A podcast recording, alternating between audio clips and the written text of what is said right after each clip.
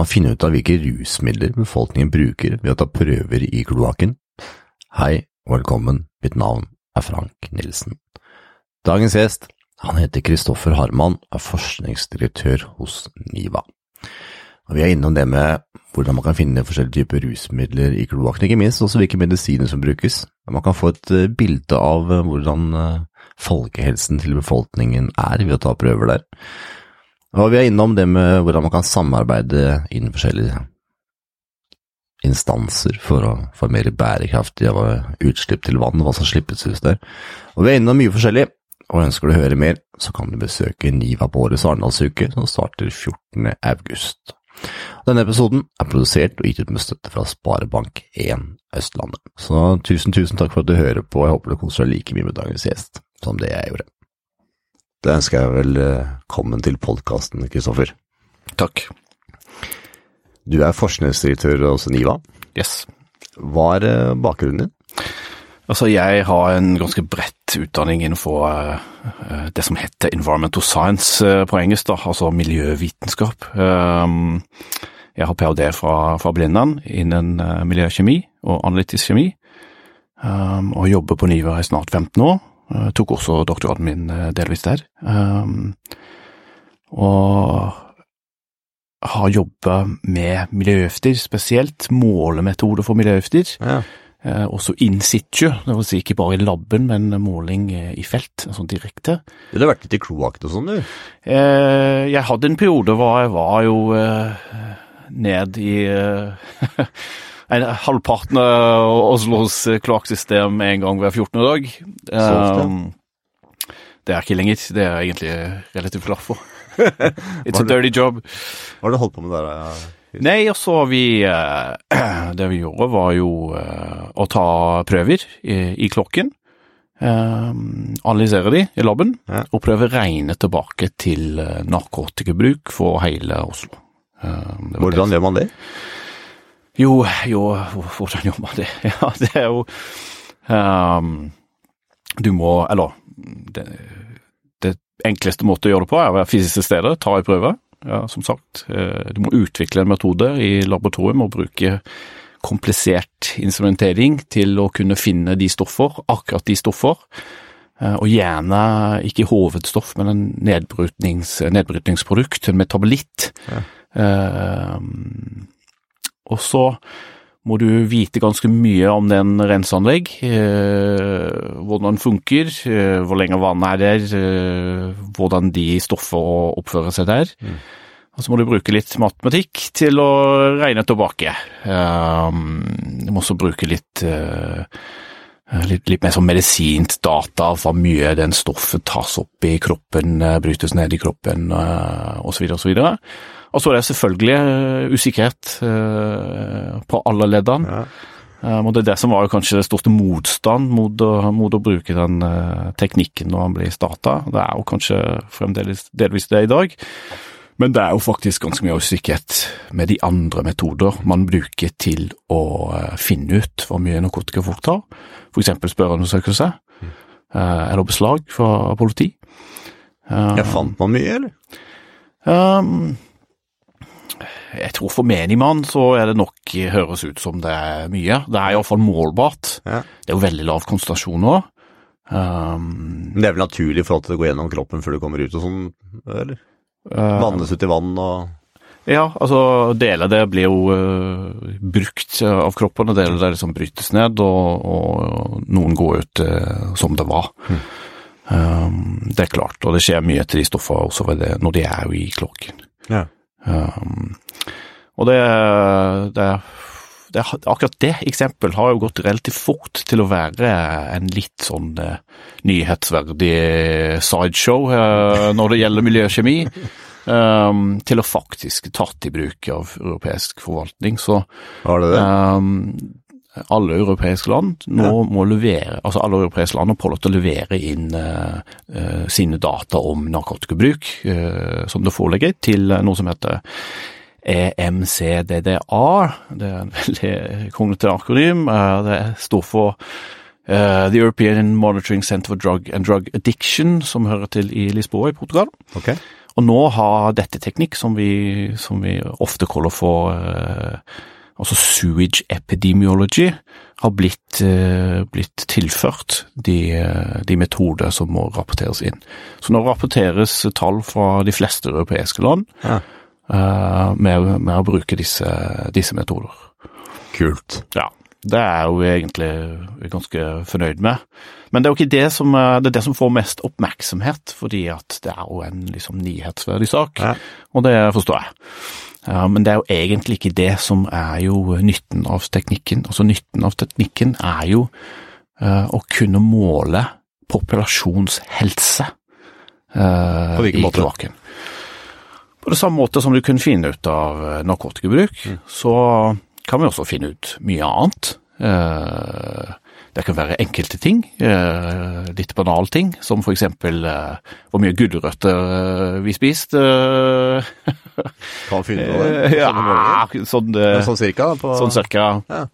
Men mer eller mindre alt du tar i seg, kan delvis skylles ut av kroppen. Og hvis du kan finne en spesifisk markør mm. som er bare spesifisk for det, og bare er humant, så er det mulig å måle ganske mye. Kan man etter hvert måle sykdom òg? Nettopp. Ehm, så du, det er jo allerede publikasjoner på, på det. Oh, ja. Ehm, og så kan du også måle eh, på en måte reaksjon av populasjonen til en miljøpåvirkning. Oi, så i den studien som eh, begynner å bli litt gammel, snart ti år gammel faktisk, den som jeg har gjennomført, så kunne du se f.eks. Økt, økt bruk av eh, antihistaminer, altså allergimedisin, når eh, pollen eh, var på topp. Ok, det vet vi jo fra før av, eh, så det var ikke for så vidt så spennende. Men det er også vet vi hvor mye av disse medisinene er jo solgt, og der kan vi også bruke det til å kalibrere modellene våre, så gi liksom styrke til de beregninger vi gjør for andre stoffer. Um, og Det er en enkelteksempel. En annen er jo da um, Vi vet at noen folk sliter veldig når det er høy luftforurensning, og det kan du se på, på tall fra sykehus og sånn. Men det er en del astmatikere som blir ikke liksom veldig syk, men de har iallfall en kjip dag. Må bruke medisinen sin mer eller noe sånt. Så har vi også kjørt korrelasjoner mot astmamedisin og luftkvalitet i Oslo. Kan man se det òg? For eksempel.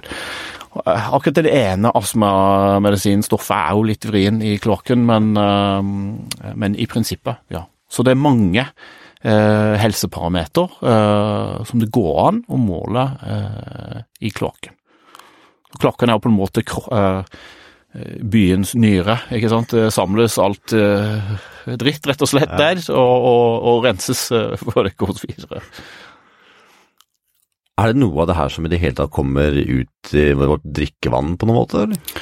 Eh, ikke i Norge, Nei. Eh, er det korte svar. Eh, norsk drikkevann har andre utfordringer, som vi vet av eh, ting som har skjedd på Vestlandet i det siste.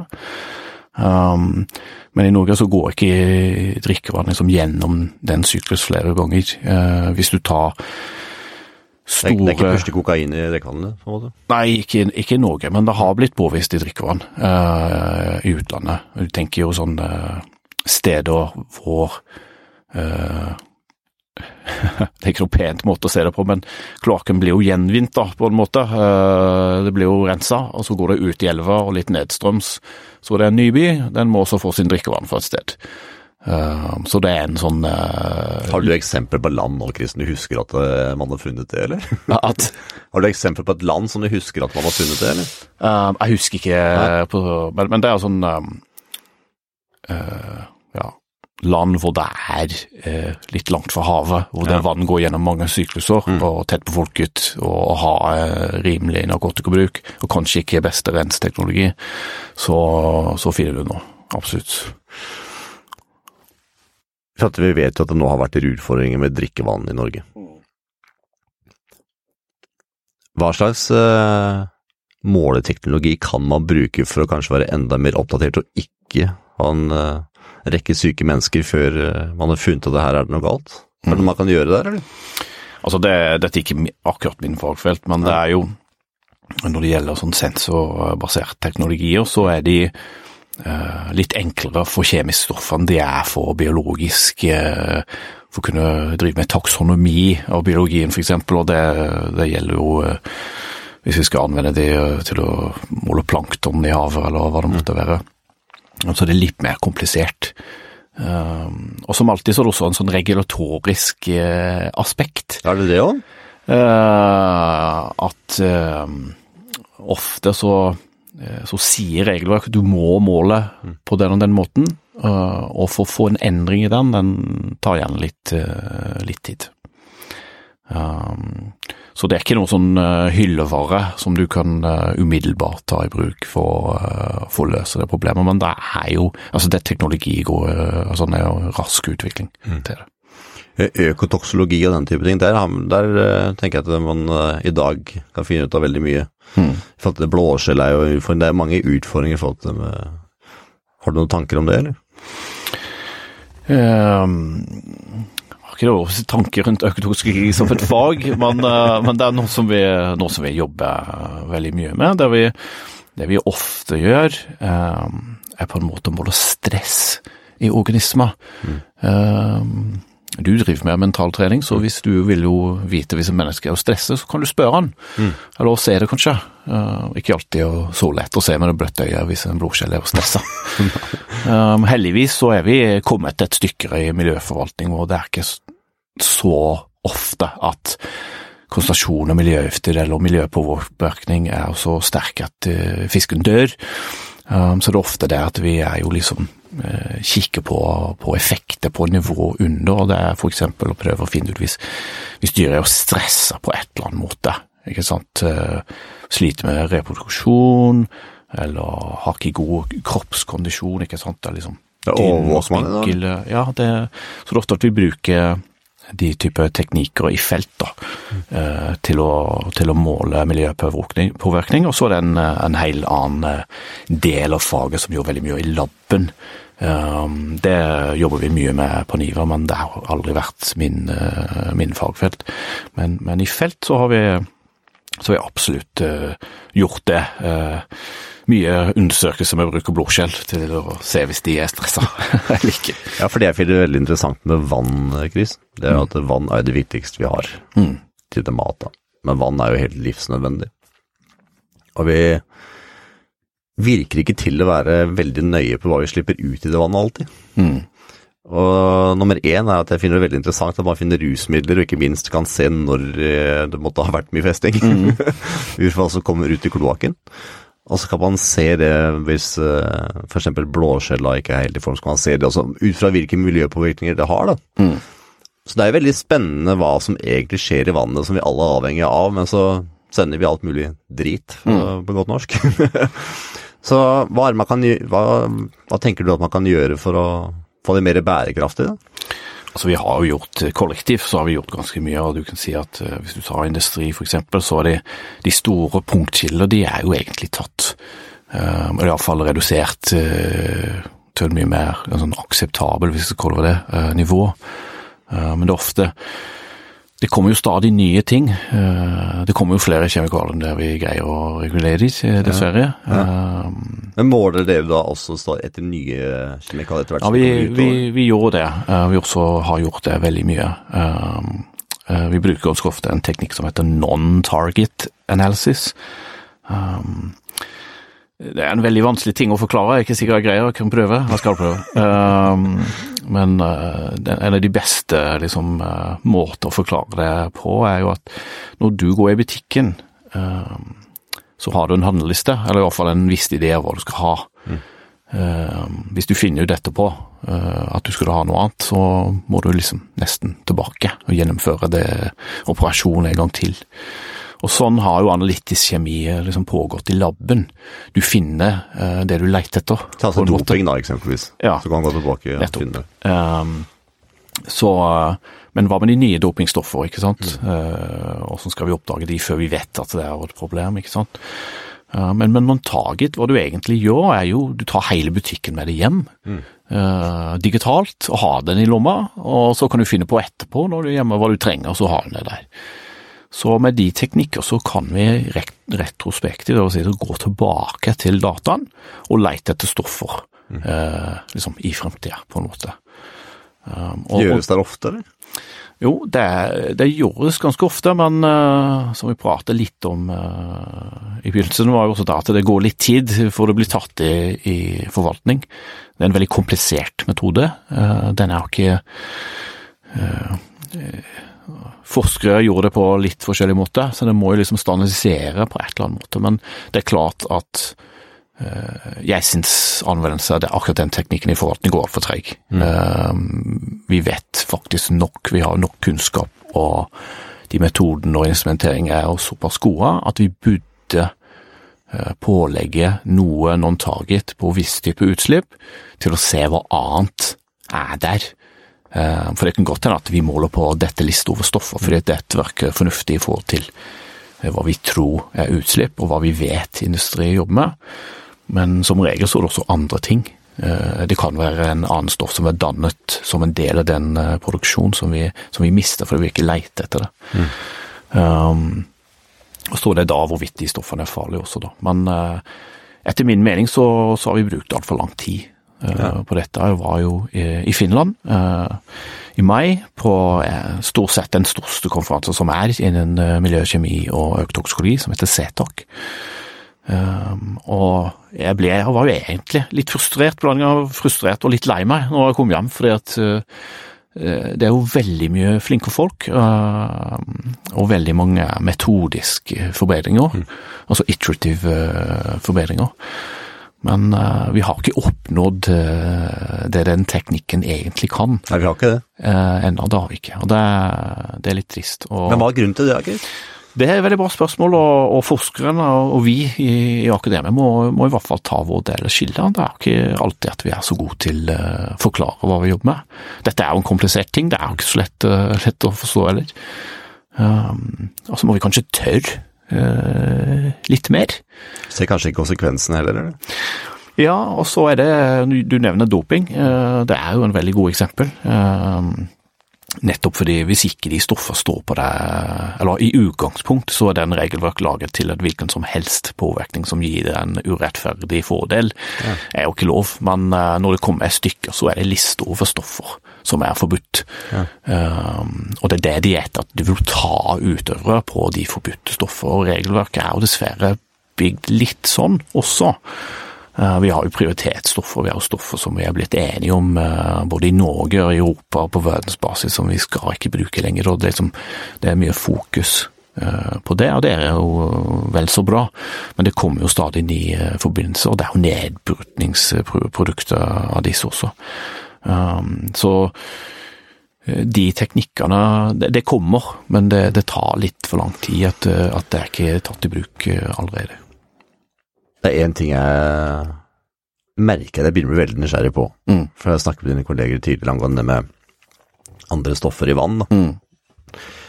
Og det virker som at man har en industri som gjerne skal selge et produkt, mm. og så kommer alle andre heseblesende etter for å se hva de egentlig bruker i produktet sitt. Mm. Hva er årsaken til at uh, produsenter av et produkt, og de som faktisk skal prøve å holde miljøet sånn noenlunde bærekraftig, mm. ikke jobbe hånd i hånd? Ja, altså det, det, tror jeg de gjør i økende grad, uh, for all del. Um, det virker jo ikke sånn, da. Nei, det ikke sånn. kommer liksom, uh, flere år etterpå.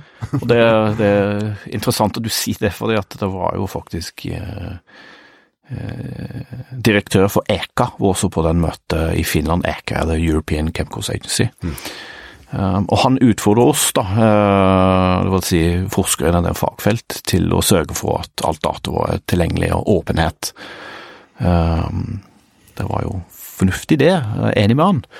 Um, men det gikk ikke lang tid før noen reiste seg i salen og utfordret han på akkurat samme punkt. Uh, og da syns jeg han svarte litt svak, uh, bare for å si det som det er. fordi at de og industrien sitter jo med en del av det informasjonen, og det er ikke alt av det som er jo fritt tilgjengelig. Og det kan du si at hvis vi skal bruke mye tid til å finne ut etterpå, etter det allerede er i miljøet, og så finne ut at er dette et problem eller ikke, og så finne ut at det er et problem, og så må vi regulere det, og så tar det går det 20 år, da. Ja, i hvert fall. Mm. Uh, det har blitt kortere, faktisk, siden 60-tallet. Da har det blitt, men ikke mye. Um, og det er nettopp det jeg mener jo at um, non-target-analyser kan også brukes som en uh, regulatorisk verktøy. Mm. Um, og det er et ønsker fra min side at det, uh, skulle, skulle, vært gjort. Så, altså Industrien har kommet langt, og det, det, er mye fokus på, på de tingene. De fleste eh, moderne industrier, det er det.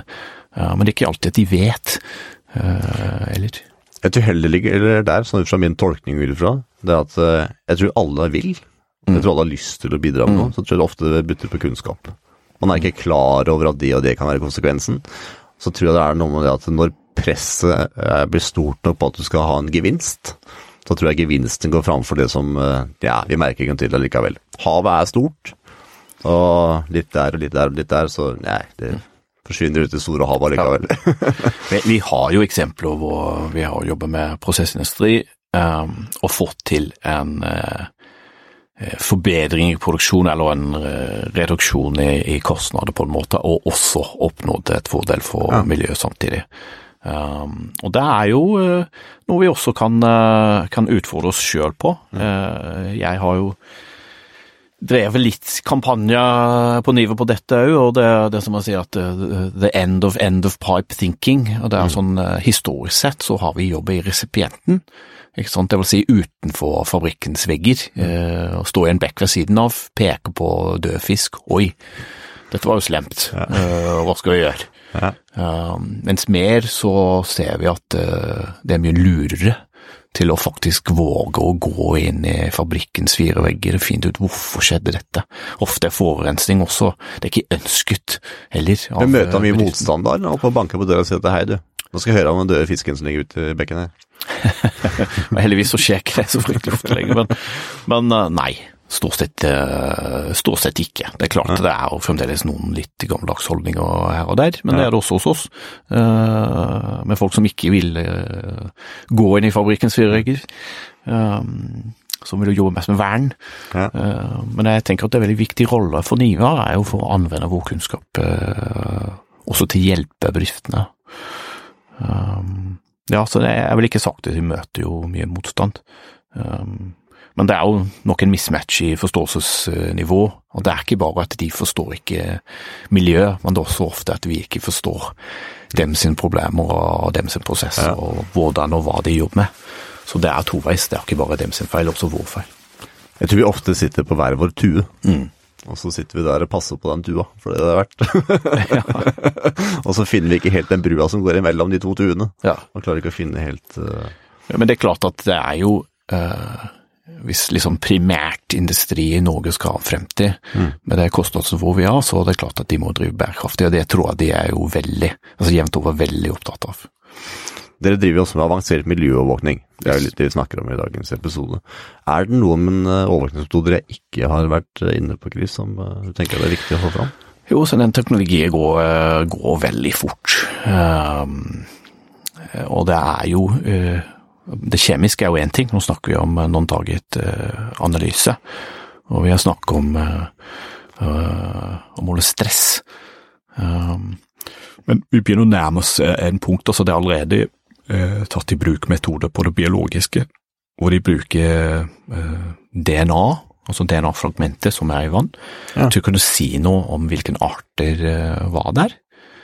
Kan man det? Eh, man kan det. Eh. Nå er jeg langt eh, vekk fra min fagfelt, selv om det høres ut som det samme til deg sikkert. Så jeg, de molekylære metoder der, de, de, er ikke jeg god på, men, men, det er klart at man kan det. Og hvis vi går tilbake til det kjemiske, så har vi også gjort noe Eh, ja, hva skal jeg kalle det for noe, sånn basic eh, studier for og da gjøre det samme for fisk, ja. som er gjort i kloakken eh, for mennesker. Det vil si at måler kollektiv fiskestress i, i vannfasen. Det har vi også gjort, så Ja, dere har det? Hva fant dere da, vet du det? Men det, det, er sånn, eh, det er lettest å gjøre det hvor det er en stor konsentrasjon av fisk, f.eks. i akvakultur eller noe sånt. Ja. Eller under transport for akvakultur, hvor stress er i fisk under, mm. under transport. Der kan du ta fisken, ta en blodprøve og, og, måle det direkte, men det, kan også måle, det er også målbart i, i vannfasen. Så min, min, drøm da er jo på en måte at vi nærmer oss en punkt hvor du kan ta en vannprøve. Med å bruke EDNR og de molekylære metoder der, så kan du liksom bestemmer eller finner ut hvilken art det er som er der, og kanskje vi kan også si noe om uh, helsetilstanden deres sin. Med, Det med ta et vannprøve. Det har vært tøft, og det kanskje høres litt sånn Star Trek uh, ut, men, men jeg, jeg tror at vi er ikke, ikke så langt ifra å kunne gjøre det i enkelte tilfeller, i hvert fall. Hvilket langt snakker vi? 20 år, 10 år, 15? Et, Ja. et sånn, hvor langt unna er vi? Ja. Ja. Så jeg, en ting er jo en ting at eh, den teknologi utvikler seg veldig fort, men også blir billigere og billigere. Um, og da er vi tilbake til en ganske sentral spørsmål som vi også jobber med tidligere nå. Jeg var jo forsker der, og det med det er veldig mye fokus på usikkerhet i laben. Det er veldig mye fokus på usikkerhet med den målemetoden man bruker. Um, det er ofte veldig gode rutiner. Uh, akkreditering. Uh, folk er jo uhyrlig nøye. Uh, den usikkerheten bør være regnet ut matematisk og, og følge med uh, resultatet. Uh, mye snakk om signifikans og, og den slags. Um, men veldig ofte så er det veldig lite uh, av den type kvalitetssikring når det gjelder selve prøvetaking i seg sjøl. Um, Det er interessant. og det kan du si at hvis du tar ett vannprøve fra, fra en innsjø eller et elv en gang hvert år, så ikke nødvendigvis at den gir en veldig god bilde av, eh, av tilstanden der borte. Um, og det, det er jo litt interessant, og, og min doktorgrad faktisk gikk litt på det, og det var jo utvikla veldig liksom, enkelt eh, low, lavkostnadsmetode eh, for å måle over tid um, på en litt annen måte enn å ta ei vannflaske tilbake til laboratorium da, og analysere litt der. Um, og som alltid med nye teknikker så får du en del motstand, og, og veldig lett å peke på usikkerhet i den nye teknikken, uten at man nødvendigvis har alt kontroll på den eksisterende eh, metode.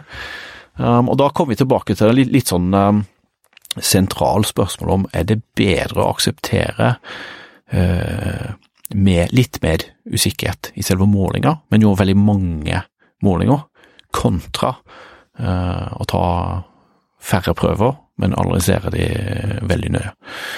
Um, og med ny type teknologier og prisen av den teknologien, så nærmer vi oss et punkt hvor vi kan jo uh, gjøre veldig mange målinger, Uh, mye rimeligere enn det vi kunne gjort før. Så vi kan få mer informasjon. Uh, men det er klart at eh, fremdeles er det en del usikkerhet på de, knyttet til de teknikkene. da.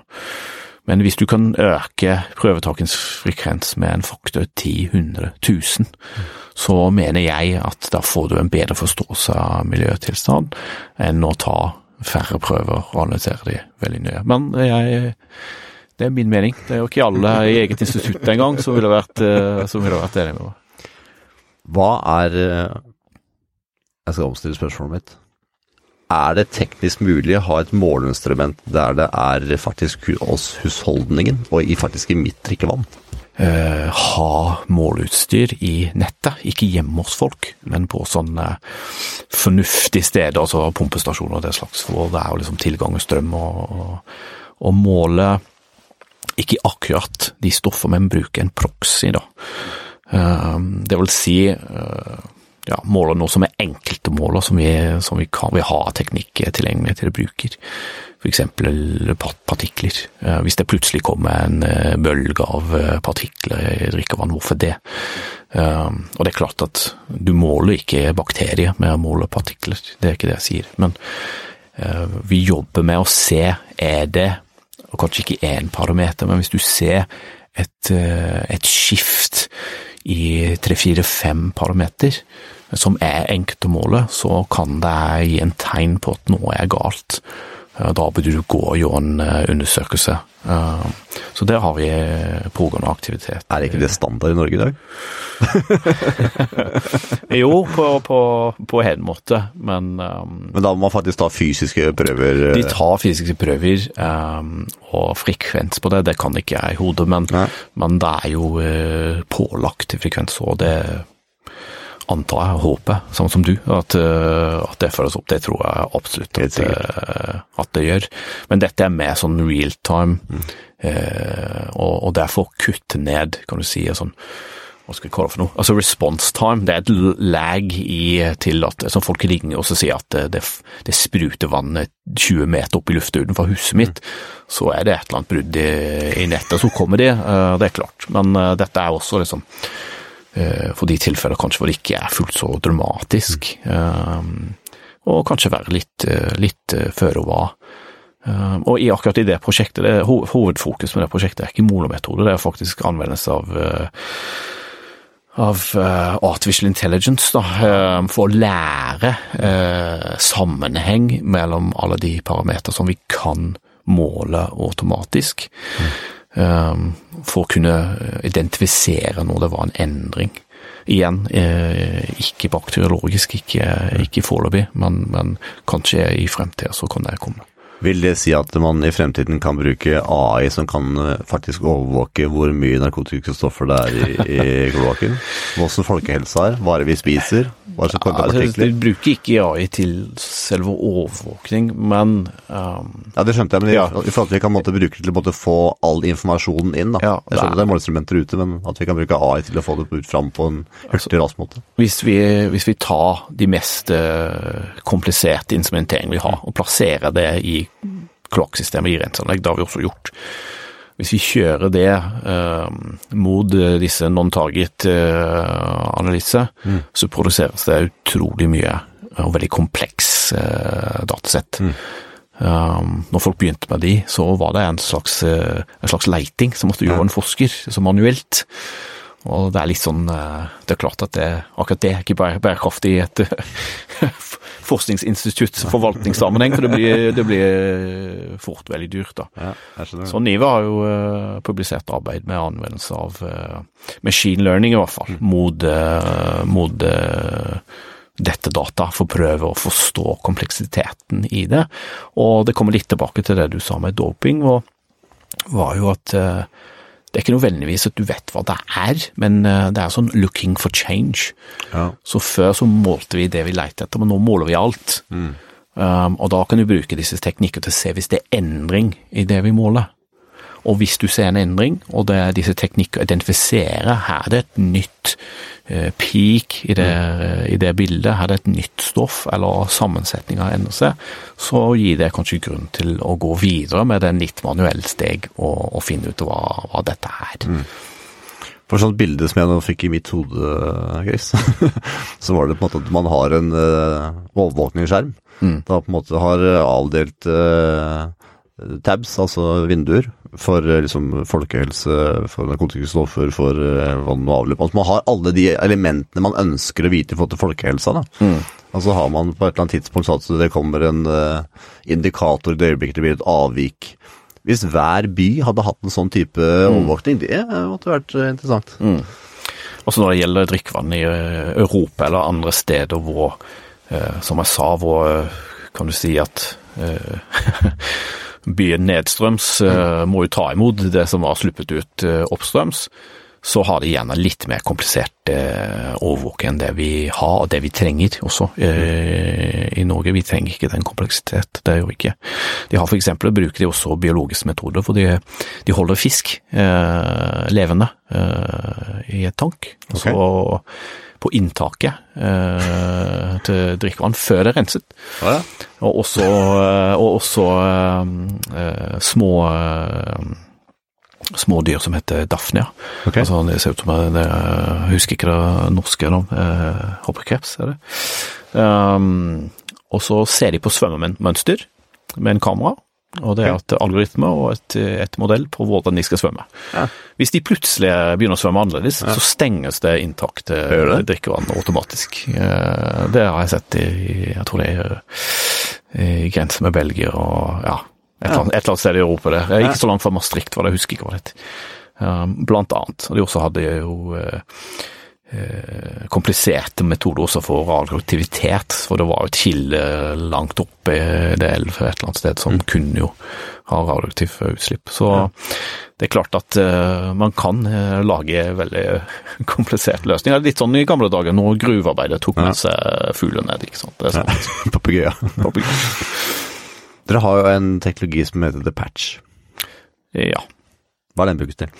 Nei, altså The Patch var et forsøk med å kommersialisere eh, en av de teknikkene jeg snakket litt om tidligere. Eh, hvor vi prøver å måle litt enkelt over lengre tid. Den teknikken kaller vi for passive sampling, altså okay. passiv prøvetaking. Um, vi har ikke gått videre selve det kommersialisering. Okay. Den, uh, ja. Så det kan prate videre om, egentlig. Eh, ikke patchen, men, uh, men teknikken. eh, nevnte vi litt i stad, så vet ikke hvis det blir litt repetisjon, men det er jo da en måte å måle en sånn gjennomsnittskonsentrasjon over tid, Ja. som skal integrere eh, flukser i, i, i topper i konsentrasjonen. Eh, noen steder i miljøet så kan konsentrasjonen være ganske stabil, noen steder er de overhodet ikke. Eh, hvis du skal gjøre nøye målinger i kloakken, f.eks., hvis du har et lite renseanlegg, så varierer konsentrasjoner helt vanvittig. Eh, du kan jo tenke på når alle står opp om morgenen eh, og gjør det de skal. Um, så får du en eh, puls, um, og så går folk på jobb, kanskje er litt annet sted, osv. Og så, videre. så um, eh, ikke patchen, men, men teknikken som heter passiv prøvetaking, er en måte liksom for ja, for å ta en gjennomsnitt over de toppene. Og jeg mener at det ofte gir en mer fornuftig bilde av f.eks. miljøgifter i miljøet. Um, det er klart at hvis du vil vite effekt i et fisk, så må du nesten leite i et fisk. Um, men passiv prøvetaking kan være en sånn uh, en veldig god biologisk uavhengig uh, metode. Uh, biologien finner på mye rart. Ja, de, altså, dyret dør, de reproduserer. de kan bli stressa av andre faktorer som er ikke det du måler. Altså enkle ting. Temperatur, ikke sant? tilgang på mat. Um, så det er klart at du kan ikke isolere hvis du skal bruke blåskjell til å overvåke miljøgifter, som vi gjør. Så ta skjell, og så analyserer de larven for innhold. Det gjør vi mye. Um, eh, du kan ikke isolere den konsentrasjonen vekk fra alle de andre eh, biologiske faktorer som, som påvirker det organismet. Men å bruke disse teknikkene, så, så kan du si litt med sted, sesong, eh, uavhengig eh, om konsentrasjoner. Men, men samtidig så forteller det ikke hele bildet, for det forteller det ikke om hvis fisken er så det gjør det ikke. Men når det gjelder europeisk regelverk for, eh, for å måle miljøgifter, eh, så eh, er det noen stoffer hvor passiv prøvetaking er mye bedre egnet. Men eh, jeg vil ikke si ikke lov, det vil jeg ikke ha sagt, men regelverket er veldig spesifikt på hvordan du skal gå fram. Ja. Og passiv prøvetaking er jo nevnt eh, som en sånn eh, extra tool, um, men det er ganske få eksempler hvor det har vært brukt eh, regulatorisk, og det, er, det har med veldig tekniske årsaker å gjøre, men det måler jo ikke helt det samme som hvis du tar en vannprøve, og hvis regelverket eh, tar vannprøve, så må vi forholde oss til det allikevel. likevel. Er det noe jeg ikke har spurt om, eh, Chris, som du syns er viktig å få med i forhold til Arendalsuka miljøovervåkning? Nei, jeg tror vi har vært innom, innom det meste, og det er som sagt, det skjer veldig mye spennende. Det skjer veldig mye spennende med eh, ikke alltid å snakke om droner er så, er så populært hvis du har en uh, nabogutten har en flyvende over eh, terrassen din.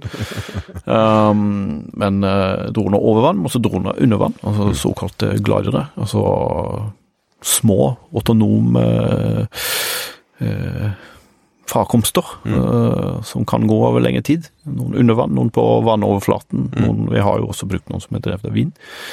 Um, Ja, hvor lenge er de kan gå av gangen? da? og det er litt, eh, litt avhengig av Uh, ja. Men vi snakker en stund, eller? Ja, noen av de kan gå. De som er drevet med vind, kan jo gå eh, ganske, ganske lenge. Det har vi hatt prosjekter som er eh, eh, for Aquaplan Niva, vår datterselskap i, i, eh, i Tromsø, som har hatt et prosjekt eh, på glidere som har gått over lengre tid. Ja. Det var jo utrolig spennende data. Hva er det de eh, sankerne hadde tatt? Nei, så den vindglade, bare for å ta det eksempelet, og det har jo hatt utrolig spennende data for ekkolodd, hvor det, hvor det måler primærproduksjon helt i vannoverflaten. Eh, Ja. På en litt annen måte enn hadde du brukt en skip de, mm. som forstyrrer vannoverflaten og, og ja, Veldig passiv måling, da. veldig passiv måling. Mm. Um, så det er et eksempel som er, er veldig spennende. Um, og droner over vann har vi også brukt til å kartlegge kystsonene. Det vi, det vi også begynte med. Og det har jo sin plass. eh, Ikke perfekt, ikke, ikke, teknologi er ikke fullt eh, klar til å ta over. Men eh, det er fremdeles veldig mye manuell eller de undersøkelser gjøres på en veldig manuell måte, altså dykking, mm. telle ting. Altså se på sammensetning av forskjellige typer tare og den slags. Og, og kartlegge ålegress, eksempel, som er en veldig viktig habitat for, på kysten vår, så, så er det, og er jo fredet. Så har vi brukt den teknikken. Så de teknologien også uh, er på vei, og hvis vi kobler sensorikk, uh, realtime-overføring, uh, disse komplisert analytisk metode, litt machine learning på toppen av det hele, det er klart at vi, blir nærmest en punkt hvor vi kan jo forhåpentligvis forstå miljøet mye mer. Og da ta riktige forvaltningsbeslutninger enn vi kunne fått en stund tilbake. Det er spennende, Kristoffer. Takk. Det syns jeg òg. Tusen takk for at du tok deg tid. Og så ser jeg fram til at mange av disse teknologiene her begynner å samkjøre, og at eh, vi begynner å få det sammen med alle, element, alle faktorene. For det, når det regulatoret kommer inn, og industrien kommer inn, og alle begynner å kjøre sammen, da begynner vi å få det bærekraftig. Det gleder vi oss til. ha det bra. Ja, ha det.